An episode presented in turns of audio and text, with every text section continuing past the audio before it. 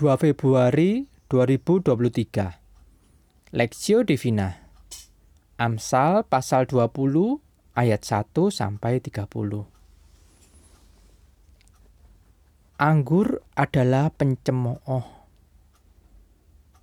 Minuman keras adalah peribut. Tidaklah bijak orang yang terhuyung-huyung karenanya Kegentaran yang datang dari raja adalah seperti raung singa muda. Siapa membangkitkan marahnya, membahayakan dirinya.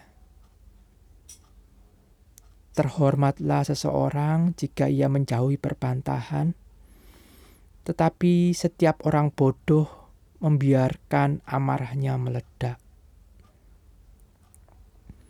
Pada musim dingin, si pemalas tidak membaca. Jikalau ia mencari pada musim menuai, maka tidak ada apa-apa. Rancangan di dalam hati manusia itu seperti air yang dalam, tetapi orang yang pandai tahu menimbanya. Banyak orang yang menyebut diri baik hati, tetapi orang yang setia, siapakah menemukannya? Orang benar yang bersih kelakuannya, berbahagialah keturunannya. Raja yang bersemayam di atas kursi pengadilan dapat mengetahui segala yang jahat dengan matanya. Siapakah yang dapat berkata, Aku telah membersihkan hatiku. Aku tahir daripada dosaku. Dua macam batu timbangan, dua macam takaran, ke kedua-duanya adalah kekejian bagi Tuhan. Anak-anak pun sudah dapat dikenal daripada perbuatannya apakah bersih dan jujur kelakuannya.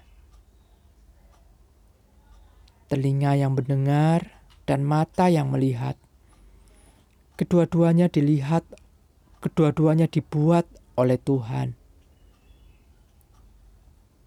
Janganlah menyukai tidur, supaya engkau tidak jatuh miskin.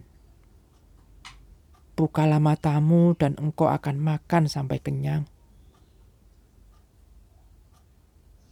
Tidak baik, tidak baik, kata si pembeli. Tetapi begitu ia pergi, ia memuji dirinya. Sekalipun ada emas dan permata banyak, tetapi yang paling berharga ialah bibir yang berpengetahuan. Ambillah pakaian orang yang menanggung orang lain, dan tahanlah dia sebagai sandera ganti orang asing. Roti hasil tipuan sedap rasanya, tetapi kemudian mulutnya penuh dengan kerikil. Rancangan terlaksana oleh pertimbangan, sebab itu berperanglah dengan siasat.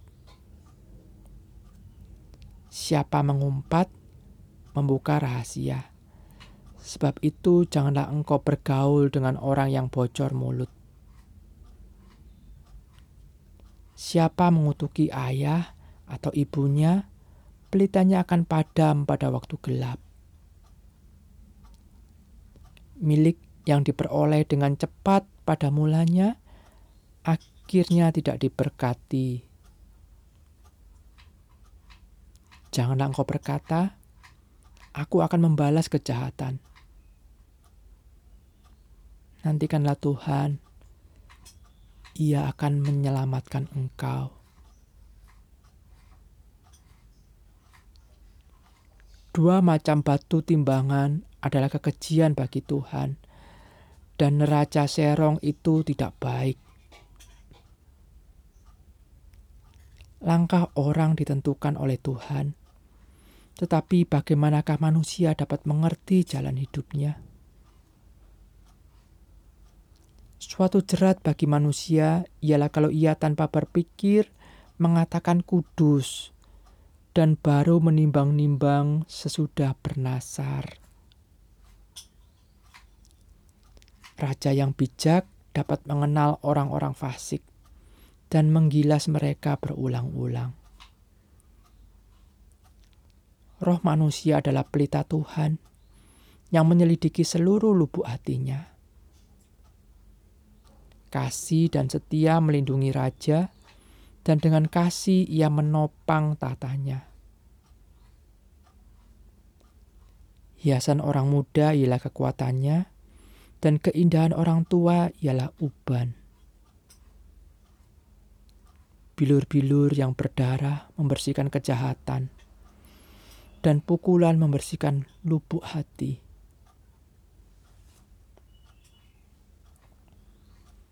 Bukan tempat untuk sempurna perspektif.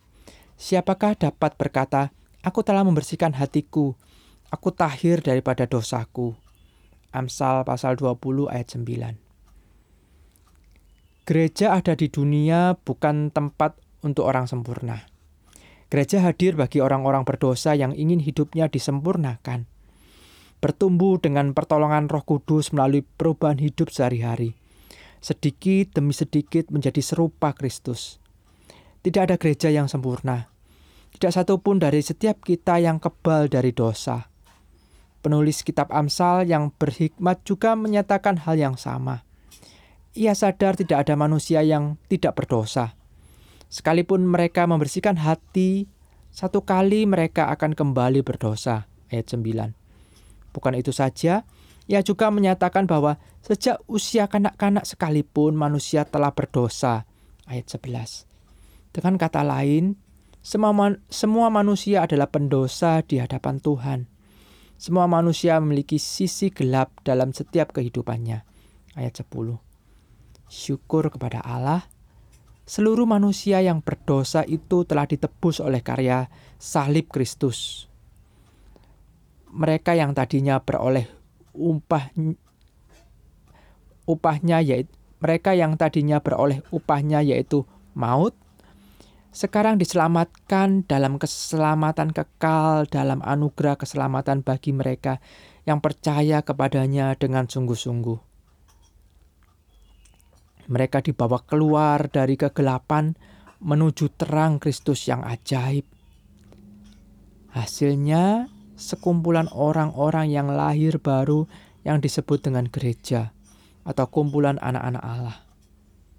Yang hidupnya tidak sempurna namun disempurnakan dan hidup menyertai Kristus dan hidup menyerupai Kristus. Inilah gereja sesungguhnya. Menyadari sebuah ketidaksempurnaan adalah sebuah keniscayaan dalam di dalamnya.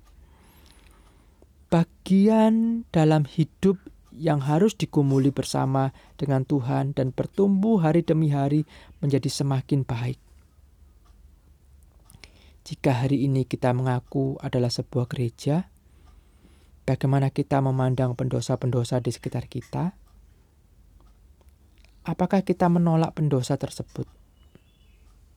Menjauhi pendosa itu mencemooh orang-orang yang berdosa di kalangan kita? Tentu tidak demikian, bukan? Seharusnya lah kita justru merangkul mereka yang berdosa untuk bersama datang kepada Kristus, tidak menjauhi mereka, tetapi mendekati mereka serta bertumbuh bersama. Lagian kita sama-sama orang berdosa yang sama di hadapan Tuhan dan gereja bukanlah tempat untuk orang sempurna. Studi pribadi, bagaimana kita memandang orang-orang yang melakukan dosa besar di sekitar kita? Pokok doa, berdoa agar gereja tidak lagi menghakimi mereka yang berdosa, tetapi merangkul mengasihi mereka yang berdosa, serta membawa mereka bertumbuh serupa dengan Kristus.